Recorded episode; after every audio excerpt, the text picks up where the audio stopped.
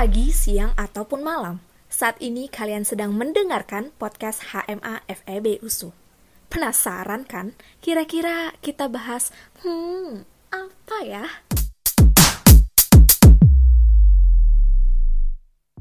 Halo semuanya, kembali lagi di podcast Hmm, apa ya? Di episode kali ini, sesuai dengan judulnya, aku bakal ngobrol bareng salah satu ex-senior auditor yang dulunya kerja di Big Four. Halo Kak Adit. Halo Ica. Gimana nih kabarnya Kak? Baik, baik. Hmm, kesibukannya sekarang apa aja Kak, kalau boleh tahu? Uh, kesibukannya sekarang lagi kerja di salah satu perusahaan IT di Indonesia, yang khususnya tempatnya di Jakarta sih. Oh, di Jakarta kak. Uh, kalau di Jakarta tuh masih full hmm. gimana sih kak? Oh, kalau di Jakarta sih um, kan memang ada peraturan PSBB-nya atau mungkin sekarang PPKM kali ya namanya ya katanya. Nah itu tuh kan memang dibatasin berapa persen berapa persen gitu kan.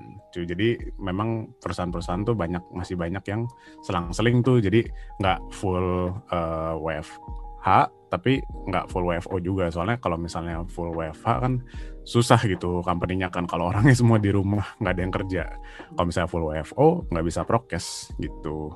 Jadi, Jadi masih setengah-setengah. Ya? Mm-mm, masih setengah-setengah. Oke, kita langsung masuk ke topik kita aja kayak. Ya. Jadi kali yeah. ini aku pingin pingin ini ngebagi pengalaman sharing sih. Uh, pengalaman kakak kerja di Big Four dulunya. Hmm. Uh, kayaknya kakak boleh mulai sih jelasin Big Four itu sebenarnya apa sih gitu karena mungkin seharusnya sih anak akuntansi udah familiar sama ini tapi ya kalau misalnya ada yang masih belum tahu kakak boleh jelasin deh di sini sebenarnya Big Four itu apa sih? Oh, Oke, okay. jadi gini, dulu saya itu kan S1-nya kan juga seperti kalian, saya ini anak akuntansi juga. Jadi uh, semua susah payah dan jerih payah kalian tuh saya juga udah pernah ngelewatin gitu. Dan kebetulan uh, waktu itu saya berkesempatan, diberikan kesempatan untuk uh, kerja di salah satu uh, perusahaan Big Four, uh, KP Big Four di Indonesia. Nah, uh, apa sih uh, Big Four itu?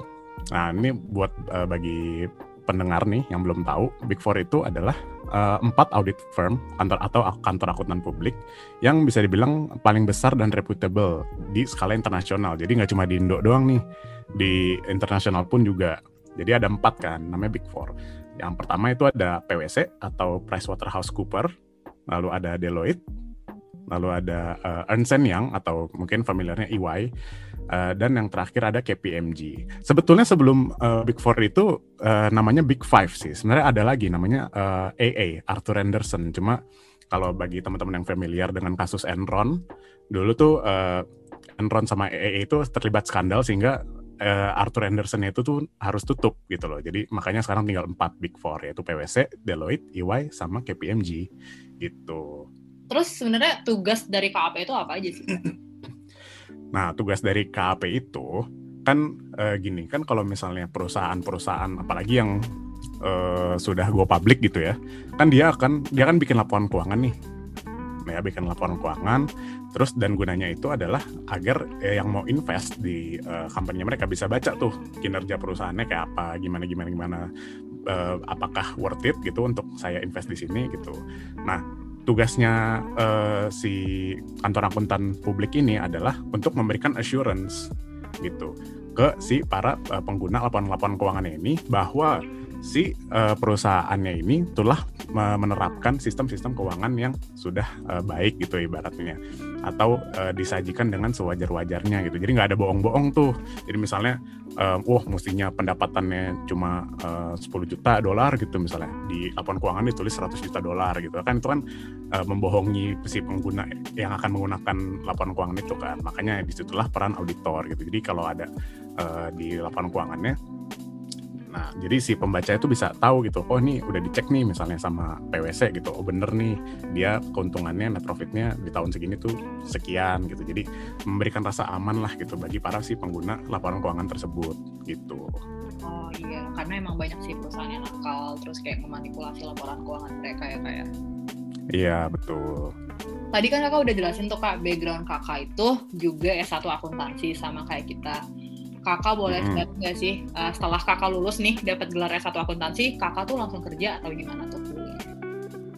Oh, jadi gini, biasanya eh, saya langsung kerja gitu ya. Cuma memang perjalanan di Big Four-nya itu sudah eh, diawali dari waktu intern. Jadi waktu sebelum lulus sebenarnya. Hmm. Jadi waktu itu sempat intern dulu nih gitu kan eh, di salah satu Big Four. Terus akhirnya di extend eh, dan setelah lulus langsung kerja gitu. Jadi kalau dulu itu biasanya eh, mungkin teman-teman yang dengerin juga bingung kali ya gimana sih cara apply-nya gitu di Big Four kan. Iya benar kak. Nah, biasanya itu kalau ya, Big Four itu mereka tuh sebenarnya ada banyak eh, caranya sih. Kalau misalnya cara yang paling umum ya, yang paling gampang yang bisa kalian lakukan sekarang juga, itu kalian tinggal ke eh, webpage perusahaannya, terus tinggal dicari di bagian karir. Oh iya. Itu kalian bisa langsung apply di situ gitu. Tapi eh, ada cara lain yang eh, contohnya eh, job fair gitu atau kampus fair. Biasanya tuh mereka suka datang ke kampus. Kayak, Hmm. oh ke kampus-kampus ini nih gitu. Kan ini kan kayak scouting gitu kan. Ada nggak nih kira-kira nih calon auditor di kan- di kantor kita gitu. Iya, iya. Jadi dia akan buka dan biasanya programnya kayak program internship dulu gitu. Kayak tiga bulan enam bulan misalnya. Gitu. Jadi awalnya memang eh, kalau saya sih dari situ. Jadi dari eh, in- pas mereka datang ke kampus eh, saya coba apply dan ternyata kayak diterima gitu jadi tapi ujung-ujungnya dari, dari intern dulu sih nggak langsung nggak langsung full time jadinya Oh iya, iya. Kak. gitu Di dalam seleksi itu kan pasti yang apply bukan cuma kakak aja. Pasti kan banyak nih. iya banyak banget Apa sih menurut kakak tuh apa sih yang jadi faktor pembeda kita gitu? Yang pertama yang paling yang paling jelas tentunya ya, karena ini multinational company, tolong bahasa Inggrisnya sih. Oh bahasa Inggris tuh berpengaruh signifikan banget ya. iya, yang kalian kan nanti kan eh, biasanya tuh proses itu kan ada tes masuk tertulis biasa lah gitu. Tes masuk kalian akan dites eh, bahasa Inggris, akan dites kemampuan dasar eh, accountingnya. Jadi jangan dilupain tuh pelajaran akuntansi PA-PA-nya itu. PA-PA-nya tuh nanti justru itu yang dites. Iya iya. itu. Nah, eh, terus eh, biasanya ada mungkin ada eh, ngerjain case juga atau group discussion gitu. Nah, setelah tes itu kan nanti kan ada interview HRD, ada interview user. Nah, itu semua full English. Jadi nggak ada yang pakai bahasa Indonesia. Hmm. Semuanya tuh pakai bahasa Inggris. Jadi kalau di tempat eh, saya kerja dulu, Hmm. Eh, dia tuh interviewnya tuh lucu. Biasanya interviewnya itu sendiri-sendiri kan kita sama HRD-nya gitu. Hah? ini interviewnya rame-rame kayak lima orang enam orang gitu Oh, dan dan semuanya itu ditanyain satu-satu gitu jadi kita bisa ngeliat nih kompetitor kita untuk masuk ke kantor itu performance gimana gitu pas ditanya ada yang eh, pas ditanya Inggrisnya belepotan ada yang uh bagus banget udah kayak udah kayak native speaker gitu udah kayak tinggal di luar negeri hmm. ngomongnya. Nah dari situ kita bisa lihat tuh, bisa ngeliat kayak eh, masing-masing tuh kayak apa sih ininya eh, bahasa Inggrisnya gitu kemampuannya. Padahal yang ditanyain sih sebetulnya ini kalau yang HRD ya, kalau yang ditanyain tuh simple gitu, bukan soal teknis eh, ngomongin akuntansi atau audit gitu, kayak cuma oh, what's your hobby gitu loh. Terus eh, kayak misalnya kalau lagi senggang tuh eh, kita ngapain, terus mereka tuh gali-gali eh, personality kita gitu loh. Cuma memang in full English gitu, nggak pakai bahasa Indonesia. Tapi nih kayak sebelum teman-teman aku yang mungkin sampai saat ini bahasa Inggrisnya masih kurang, ini sebelum Hmm. mereka down nih, kakak Nah. jujur ada nggak sih teman kakak yang eh, waktu kerja tuh di sana ada nggak sih yang sebenarnya Inggrisnya tuh sebenarnya ancur gitu tapi keterima? Ada. Eh, sebetulnya sih eh, mungkin nggak hancur ya. Kayak mungkin dia dari pronunciation-nya aja gitu, kayak susah gitu ngomong Inggris. Cuma eh, paling nggak eh, bisa lah. Kan gitu kan kita juga ini kan ada di tes Inggris juga kan, di tes tertulisnya kan. Iya, iya. Jadi memang eh, kalau yang kan mumpung belum lulus nih kalian kan.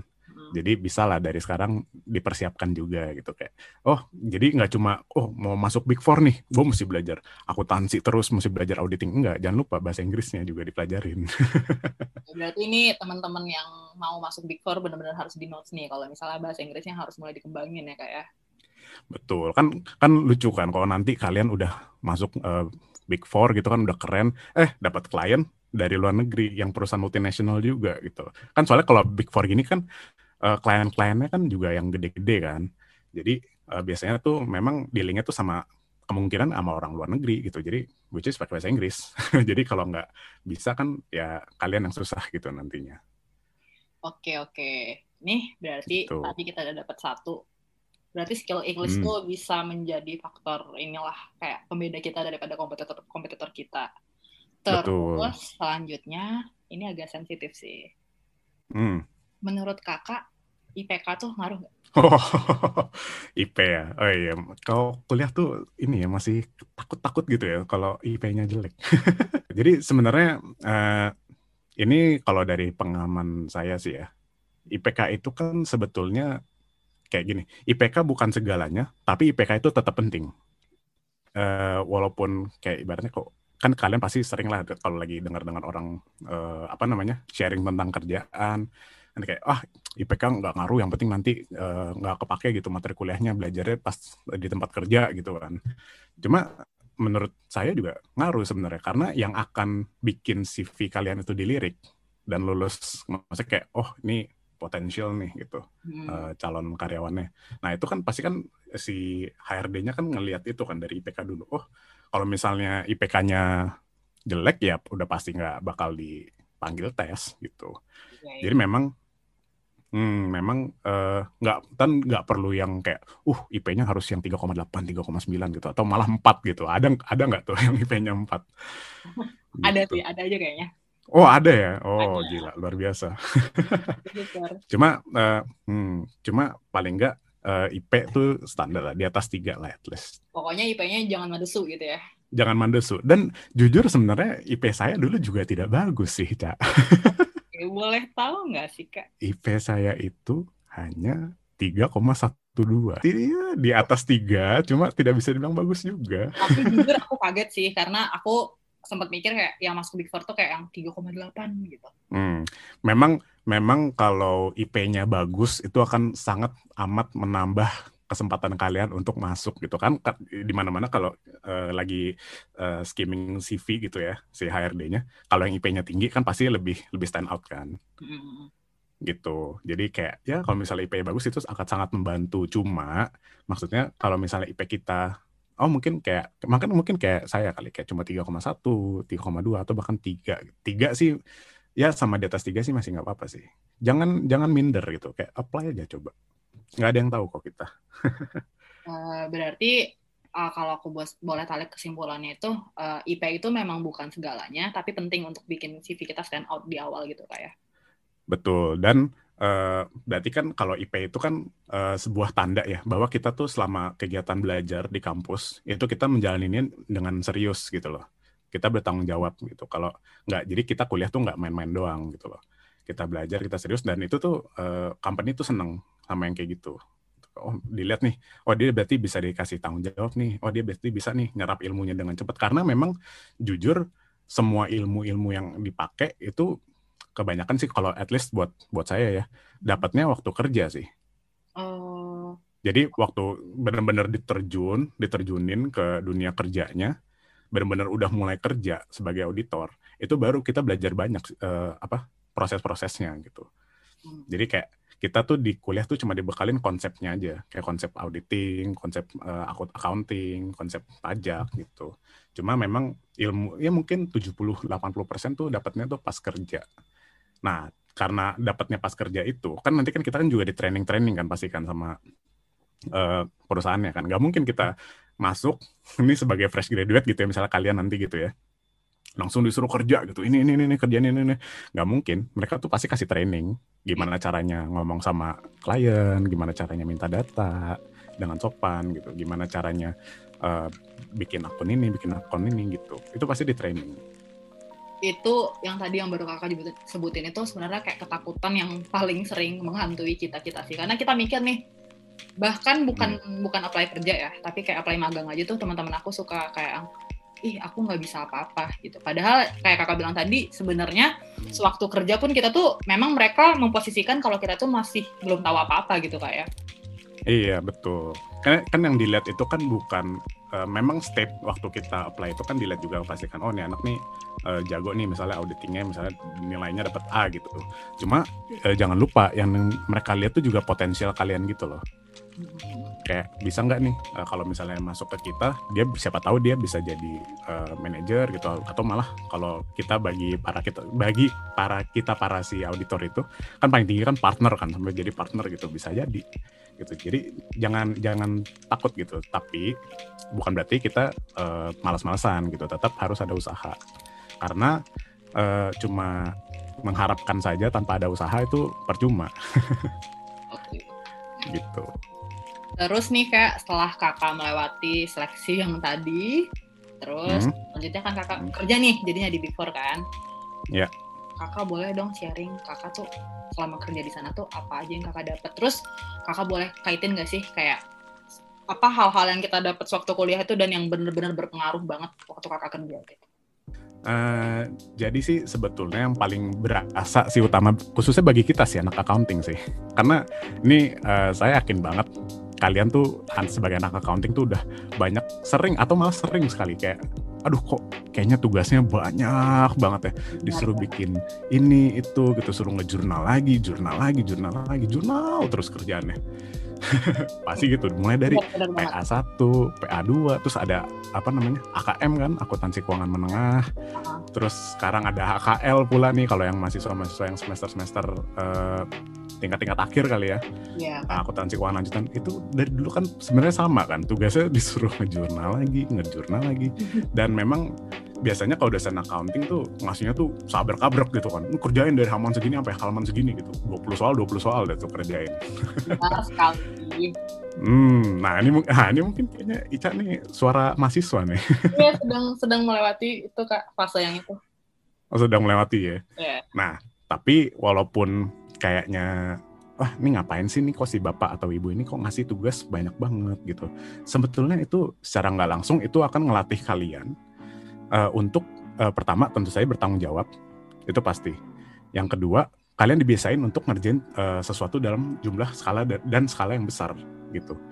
Karena kalau kalian itu uh, kerja apalagi di Big Four gitu ya, atau mungkin nggak usah di Big Four deh di kantor kantor akuntan publik yang let's say Big Ten gitu yang nggak usah Big Four lah yang lokal lokal gitu misalnya dan itu akan beban kerjanya sangat banyak sekali gitu jadi sebetulnya dengan kalian ngerjain ngerjain tugas itu itu kalian biar nanti tuh nggak kaget gitu waktu kerja tuh kok dia dikasih kerjaan seambreng-ambreng gitu loh. Iya, iya. Itu sebenarnya yang mungkin kalau menurut saya paling ini ya, paling berasa hmm. di kita gitu biar kebiasa gitu kan Iya, udah biasa dikasih kerjaan gitu.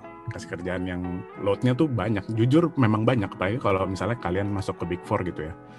Kalian tuh bisa nah handle mungkin 5 6 klien sekaligus kali. Gitu dan itu kan masing-masing beda nih. Udah misalnya nih kalau personally buat saya gitu ya yang bikin susah gitu. Hmm. Uh, di klien satu ini industrinya uh, industri komunikasi gitu misalnya. Layan dua industri transportasi. Jadi banyak gitu loh kayak dan kita mesti pelajarin satu-satu kan bisnisnya sebelum kita mulai ngaudit. Iya iya. Karena kan uh, uh, mungkin aja kalau misalnya di industri ini treatment akuntansinya beda, di industri lain beda juga, ini beda juga bla gitu. Jadi memang mesti sering-sering belajar, sering-sering ya kerjain soal gitu. Jadi kayak udah terpupuk nih dari zaman kalian kuliah biar nanti pas kerja tuh nggak kaget dengan load kerja yang banyak. Gitu. Itu pertama sih kalau yang paling ngaruh. Nah kalau yang kedua tuh juga uh, sebetulnya kalian tuh mesti belajar ini ya relationship ya. Jadi bukan relationship pacaran ya. Jadi relationship maksudnya gimana caranya kalian tuh berkomunikasi dengan uh, teman. Karena nanti uh, kalian itu kan sebagai auditor itu kan nggak sendiri. Kalian itu tim. Yeah. jadi uh, ilmu komunikasinya itu juga harus uh, dilatih tuh. Karena uh, auditing itu itu sebenarnya suatu pekerjaan yang sangat perlu komunikasi yang bagus. Nggak cuma ke tim kalian sendiri tapi juga gimana nanti caranya kalian ngomong ke klien gitu kan.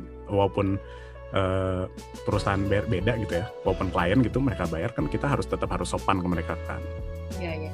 Harus sopan, gimana caranya, gimana cara kita tuh bawa diri gitu. Karena jujur, kalau misalnya kita kerja di uh, eh, KP, apalagi Big Four, itu tuh kalian, waktu kalian di kantor Big Four-nya sendiri tuh sedikit sekali. oh, jadi waktu yang paling banyaknya di mana kak? Di kantor klien. oh, Jadi tuh kerjanya tuh bener-bener uh, ya misalnya lagi di lagi ngaudit company A nih gitu. Kebanyakan kerjanya akan kita datang ke, kan, ke kantor company A-nya itu. Jadi nggak ke kantor Big Four-nya lagi selama masa uh, auditingnya gitu. Apalagi kalau udah mulai sibuk-sibuk tuh kan, lagi Q4 gitu, lagi uh, closing, closing lagi bikin lapor keuangan tuh biasanya bulan November, Desember gitu ya. Wah itu ke kantor ini terus, ke kantor kliennya terus. Jadi nggak nggak ke ini, nggak ke uh, kantor kitanya gitu. Nah makanya karena kita numpang kan itu kan kita numpang kan di situ kan. Ya, ya, ya. Numpang di situ dikasih space sendiri atau kalau misalnya hoki dikasih ruangan gitu kan. Kalau dikasih ruangan masih mending bisa ditutup pintunya. kita cuma sama uh, teman-teman kita auditor kita doang. Nah kalau dikasih cuma satu area doang ya nggak ketutup cuma dikasih meja. Jadi kita tuh kecampur sama uh, karyawan-karyawannya mereka gitu. Jadi kan kita mesti belajar bawa diri gitu. Itu sih yang yang paling berasa ya. Mungkin dua dua dua hal itu sih. Hmm, selanjutnya nih kak, aku tuh dulu udah sempet sih ngecek di webpage-nya Big Four ini tuh. Uh, aku kan waktu itu mau apply magang nih internship hmm. kan. Terus aku lihat tuh banyak divisinya sebenarnya. Hmm. Nah kakak boleh jelasin nggak sih kayak apa sih maksud divisi-divisi yang ada di situ? Oke, okay. nah kalau uh, ini kan uh, secara general aja ya, yang biasanya ada di kantor akuntan publik gitu ya. Yeah. Ya. Uh, biasanya tuh kalau kita kan kita kan pasti kan kalau KAP kan jadi auditor kan, yang target utamanya kan sasaran utamanya. Hmm. Nah, yang di uh, auditor itu namanya biasanya assurance, divisi assurance. Oh. Divisi assurance itu adalah benar-benar divisi auditornya, di mana kita akan uh, menerima klien dan kita harus memeriksa laporan keuangan mereka, hmm. gitu. Lalu biasanya ada juga divisi uh, taxation. Taxation tuh uh, pajak lah konsultan pajak gitu di baratnya. Jadi tetap menerima klien karena kita kan itu kan sebenarnya perusahaan servis ya. KAP itu perusahaan jasa kan. Kita menjual jasa uh, konsultasi kita gitu dan auditing kita. Nah, itu selain uh, assurance tadi yang auditor, terus ada juga di tax consultant. Biasanya itu memang uh, ngurusin pajak. Lalu yang ketiga itu uh, uh, biasanya ada divisi financial consultant. Jadi memang uh, konsultan keuangan gitu. Jadi itu sih sebetulnya yang tiga uh, tiga apa ya? Mungkin tiga service tiga lini service uh, utama kali dari sebuah KP. Selanjutnya kakak bisa jelasin nggak sih sebenarnya pros dan cons kita kerja di Big Four itu apa aja? Karena pasti teman-teman nah. banget nih. Dan jujur kita tuh kayak punya image yang kayak ih kerja di Big Four capek pulang subuh gitu. Itu benar nggak sih? Hmm. Oke. Okay. mungkin mungkin uh, saya jelasinnya dari prosnya dulu kali ya. Oke. okay. Uh, eh, jadi prosnya itu kita kerja di uh, eh, KAP Big Four itu tentu saja yang pertama kalau menurut saya itu tempat belajar yang paling bagus bagi kita anak akuntansi dan auditor itu memang uh, karena kan tadi yang kayak udah saya bilang juga kita tuh handle klien kan bisa banyak kan dan uh, belum tentu sama gitu loh industrinya. Jadi kita banyak belajar lah di situ. Kita belajar industri ini industri itu industri banyak lah gitu. Jadi kita nggak nggak cuma terpaku di satu uh, industri doang. Kalau misalnya kita bandingin sama kalau misalnya kita kerja di uh, corporate biasa gitu kan itu kan memang kita kan karyawan tetap aja di kan di situ kan. Jadi kita cuma belajar industri satu gitu. Kalau misalnya kita belajar in, industri IT ya memang di IT terus gitu. Beda kalau misalnya kita di kayak di uh, Big Four gitu. Uh, kita bisa banyak belajar industri-industri nggak cuma dari sisi akuntansinya sih, dari sisi bisnisnya pun kita bisa banyak belajar juga. Itu prosnya satu. Uh, lalu yang kedua, uh, mungkin ini relatif ya, tapi bisa jadi ajang cari duit. Walaupun ini sebetulnya related sama salah satu konsep. Nih, jadi maksudnya gini, uh, memang kerja di uh, KP, apalagi Big Four ya, itu selain gajinya yang mungkin uh, kalau base salary-nya itu nggak terlalu wow gitu ya, nggak kita ngeliatnya nggak ah biasa aja gitu gajinya segini. Tapi di balik itu ada eh, benefit-benefit lain kayak contohnya uang lembur, terus uh, medical benefit. Nah itu tuh kalau di Big Four itu sangat uh, sangat ini apa sangat mumpuni bisa mungkin bisa dibilang jadi benar-benar semuanya tuh hampir semua tuh akan di cover sama mereka uh, ketiga prosnya adalah uh, ini lagi-lagi relatif gimana kalian uh, memandangnya tapi uh, kalian tuh dengan kan pasti kalau kalian masuk Big Four itu tuh kalian tuh something gitu, ngerti nggak cak? Maksudnya kalian tuh beda gitu yang dari yang lain gitu. Ada ada rasa bangganya gitu, ada rasa bangga tersendirinya kalian bisa masuk Big Four dan memang yang masuk ke perusahaan-perusahaan itu adalah orang-orang yang benar-benar punya quality yang bagus yang oke okay, gitu. Dan kalian bisa kenalan nih sama orang-orang tersebut gitu. Mulai dari yang selevel, yang baru masuk juga, malah sampai yang ke manager, senior manager, atau malah sampai ke level partner gitu. Kalian bisa kenal sama mereka. Itu prosesnya. Jadi bisa bangun network juga gitu kan. Uh, sebetulnya kan uh, di accounting, di auditing itu, di apalagi di Big Four gitu ya, di KP. Sebenarnya tuh image-nya itu adalah uh, sedikit sih orang yang benar-benar masuk situ benar-benar pengen uh mau sampai partner nih mau sampai jadi bos di situ. Itu sebetulnya menurut saya sedikit malah orang-orang itu biasanya uh, masuk situ tuh buat ngambil pelajarannya aja, jadi sebagai stepping stone gitu, batu loncatan. Jadi mereka tuh nggak lama, biasanya kayak mungkin tiga empat tahun mungkin. Kalau dulu sepengalaman saya teman-teman saya tuh tiga empat tahun, terus mereka pindah, mereka keluar dari uh, eh, KP, dari KP Big Four dan uh, pindah ke corporate. Dan biasanya pindah ke pas pindah ke corporate-nya itu, biasanya tuh posisinya tuh udah wow banget gitu. Nah, itu kan kita kan dengan eh, seperti itu kan kita jadi kenal nih. Oh, misalnya teman kita yang tadi teman kita nih di auditing gitu di Big Four pindah misalnya ke company A, dia jadi manajer gitu. Nah, kan kita kan jadi punya kenalan manajer di company A. Gitu. Iya, iya. Jadi itu pros-prosnya menurut saya. Nah, sekarang masuk ke konsnya nih. Mungkin yang udah ditunggu-tunggu juga kali ya sama iya, iya. sama pendengar. Konsnya itu yang pertama yang paling berasa aja ya jam kerjanya sih. Kita di auditing itu tidak mengenal yang namanya working hour. iya, jadi working hour itu memang ada. Jam kalau yang di tempat saya itu jam setengah sembilan sampai jam lima. itu tuh cuma ada untuk sebagai formalitas saja sebetulnya. Cuma ada biar oh yang penting ada nih peraturannya. Tapi sebetulnya berantakan sekali jujur. Kita bisa kayak jam 3 terus kayak ah berlaku. kantor gitu. Iya. Tidak pulang kalau tenggo, nggak mau. Anaknya tuh mesti lembur gitu. Jadi bisa pulang apa bisa nggak datangnya pagi setengah sembilan pagi terus kerjanya bisa aja sampai jam 12 jam satu pagi gitu juga. So, Jadi memang jam pagi itu kah? Betul. Malah saya pernah pulangnya jam 6 pagi. Pulang ketika matahari terbit. Lalu setelah pulang jam 6 pagi itu, siangnya saya mesti balik lagi ke kantor untuk lanjut kerja. jam berapa itu kalau boleh tahu? Itu saya balik itu jam 11 siang. Pokoknya jam makan siang lah saya balik. Parah sih itu, cuma spare 5 jam doang. Betul, makanya juga sebetulnya tidak jarang, apalagi saat peak season. Karyawan-karyawan Big Four itu menginap di kantor udah kayak hotel jadinya. Oh. Betul-betul nginep karena memang uh, jumlah kerjaan yang sangat banyak gitu dan kalau misalnya kita pulang pun uh, takutnya kan nggak kondusif kan. Jadi memang uh, tidak ada paksaan kalau dari yang saya lihat ya. Jadi memang mereka tuh rela-rela saja. kayak ya udahlah daripada gue di rumah tidur gitu atau malah nggak kerja, mending gue di kantor gitu kayak nginep. Biar kerjaannya beres gitu. Kan kalau kerjaannya nggak beres kan kalau misalnya dipanggil sama manajer kan takut gitu kan. Merinding langsung. Gitu itu konsnya satu. Terus uh, yang kedua mungkin uh, ini khusus buat di big four ya. Lah, tapi lagi-lagi ini tergantung kalian gimana cara viewnya. Tapi memang persaingannya itu ketat sekali. Oh. ketat sekali.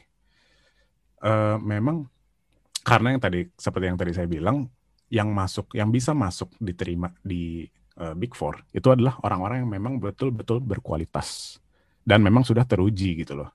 Jadi jangan kaget kalau kalian nanti misalnya benar-benar lihat orang yang IP-nya 4 atau yang masih muda tahu-tahu udah lulus S1 gitu, misalnya udah jadi senior gitu.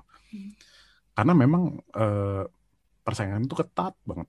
Jadi kalian tuh ibaratnya kalau kalian nggak perform, kalian tuh bisa digeser gitu loh sama uh, teman kalian gitu teman ya dalam tanda kutip ya teman kerja kalian gitu tanda kutip karena ya. saya tanda kutip teman kerja karena lagi-lagi kita semua itu kan sebetulnya kompetitor kan iya. jadi kalian ini nih teman-teman akuntansi nih satu sama lain tuh sebetulnya tuh nanti kompetitor, kompetitor di dunia kerja.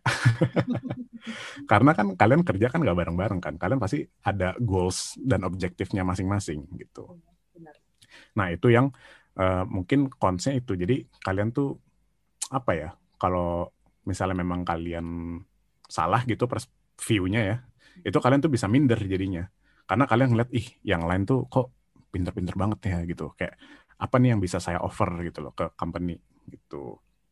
Dan memang eh, di pengalaman saya banyak yang kayak gitu. Maksudnya dianggap nggak bisa gitu misalnya. Uh, terus diambil kerjaannya sama temennya. Kayak udah uh, lu kerjaan yang lain aja lah yang lebih gampang. Bener ngomong gitu loh. Gak ini aja lebih gampang. Gue yang ini aja. Bener-bener langsung diambil, langsung di take over gitu.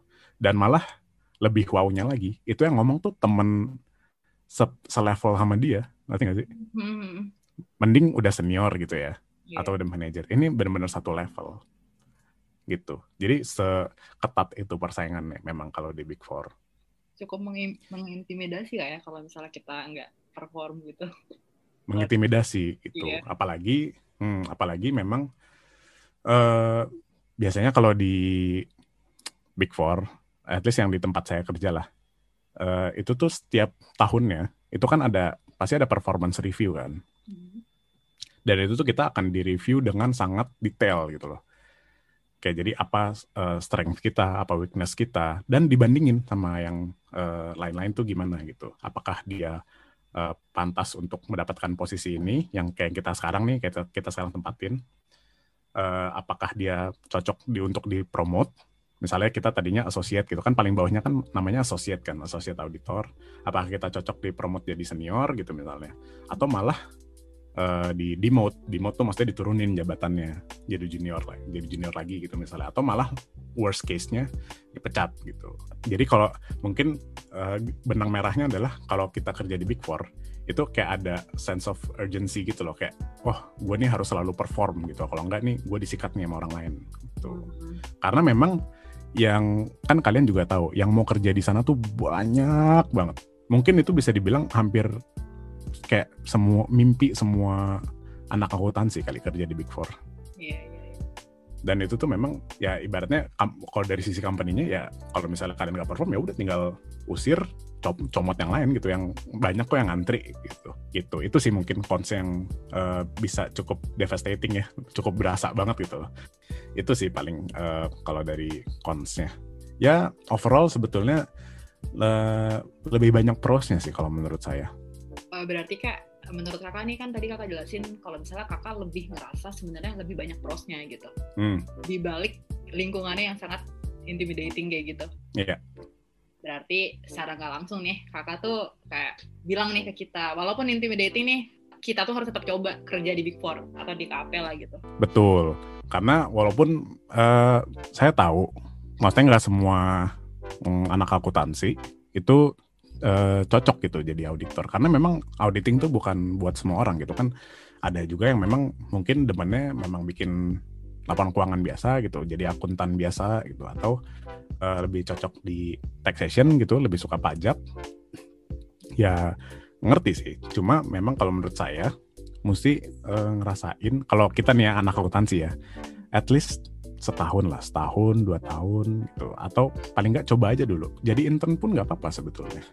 Atau cuma jadi kan sebetulnya kan kalau kalian pun apply itu kan nggak langsung jadi karyawan tetap kan. Kalian ada yang namanya masa probation dulu gitu.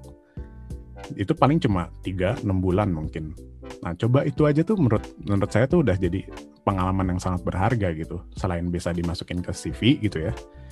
Eh, kalian tuh dapat banyak gitu ilmunya selama 3 atau enam bulan itu jadi paling nggak untuk anak accounting menurut saya coba aja sih kerja di Big Four. Karena walaupun persaingannya ketat dan uh, banyak jam kerja yang uh luar biasa sekali gitu tidak pulang gitu kan.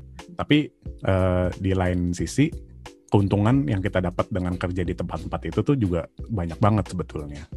Dan uh, bisa berguna lah gitu untuk mempersiapkan kita gitu. Kalau misalnya nanti kita mau kerja di mana di mana mana di mana gitu ke depannya tuh lebih berguna dibanding kita cuma diem saja gitu nggak mau nyoba itu sih intinya Berarti dari semua pros yang tadi udah kakak sebutin tuh kak, di lain Mhm. siklusnya ya yang lembur dan macam-macamnya itu. Ya. Uh, ini pasti nih banyak banget yang penasaran. Hmm. Apakah mungkin kita sebagai fresh graduate kayak kakak nih, kakak kan tadi begitu lulus kan apply, uh, kerja di ini di Big Four-nya kan? Ya. Mungkin nggak sih kayak kita nih fresh graduate tapi gaji kita dua digit gitu. Oh, ini pasti banyak yang nunggu. nih. Iya pasti banyak banget ini yang paling penasaran ya. Nah, sebelum sebelum saya jawab, saya mesti kasih tahu dulu. Kalau misalnya kita masih fresh graduate dan kerja di Big Four gitu ya, kita diberi kesempatan untuk kerja di salah satu KP Big Four, sebetulnya se yang sehatnya sih jangan nyari gaji dulu sih, nyari pelajarannya. Karena pelajarannya itu tuh memang menurut saya eh, nggak bisa dikasih harga gitu loh, kayak bener-bener valuable banget yang kamu dapat itu. Kayak kamu nggak dapat dari kuliah segala macem. Eh, tapi memang kalau misalnya kita mau ngomong materialnya nih ya. Materialnya baik lagi itu semua bergantung ke base salary kalian berapa gitu kan. Base salary orang kan beda-beda kan. Gitu kalau misalnya kita kerjanya tenggo-tenggo doang ya susah gitu cari kerjanya. Eh, cari duitnya maksud saya. Karena memang banyak duitnya tuh nyari duitnya tuh auditor tuh dari lemburannya sih? Berarti kalau yang ini tuh nggak pasti dan tergantung sama working hour kita. Gak pasti. Dan dan tergantung juga eh, tempat big four-nya sih. Tempat KAP-nya juga sih. Jadi ada yang eh, kalau misalnya lembur benar-benar per jamnya dikasih sekian gitu misalnya. Tapi ada juga yang eh, yang nggak dikasih maksudnya uang lemburnya nggak segede di KP yang lain tapi dia base salary-nya lebih gede gitu misalnya.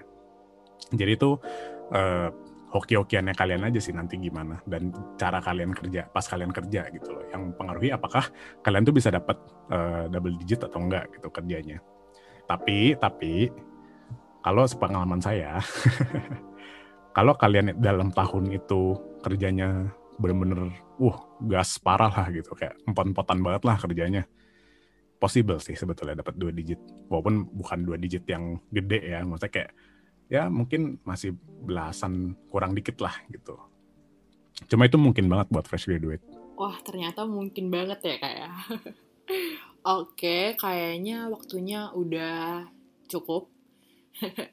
Eh, udah seru banget kita tadi udah bahas dari awal Kak Adit udah jelasin Big Four itu apa, terus bi- pros dan cons kerja di Big Four itu gimana. Dan tadi juga udah nyerempet ke bagian gaji yang sangat amat sensitif tapi pasti sangat dinanti-nanti oleh beberapa orang atau mungkin aku aja ya. Oke, thank you Kak Adit buat waktunya. Semoga apa yang Kak Adit sampaikan pada hari ini berguna buat para pendengar semuanya dan pastinya nih buat Kak Adit sukses terus karirnya. Thank you. Eh, buat eh, Ica juga dan teman-teman akuntansi USU juga semoga sukses terus eh, kuliahnya yang mau eh, daftar gitu di Big Four mungkin nanti ke depannya semoga eh, beruntung dan bisa kerja di situ dan yang lagi mau skripsi gitu ya eh, semoga skripsinya dilancarkan dan cepat lulus gitu. Oke, sekian dulu untuk episode kita kali ini. Jangan lupa untuk dengerin terus podcast kita selanjutnya. Thank you Kak Adit, Eh, thank you semuanya. Stay safe. Stay safe semua. Thank you.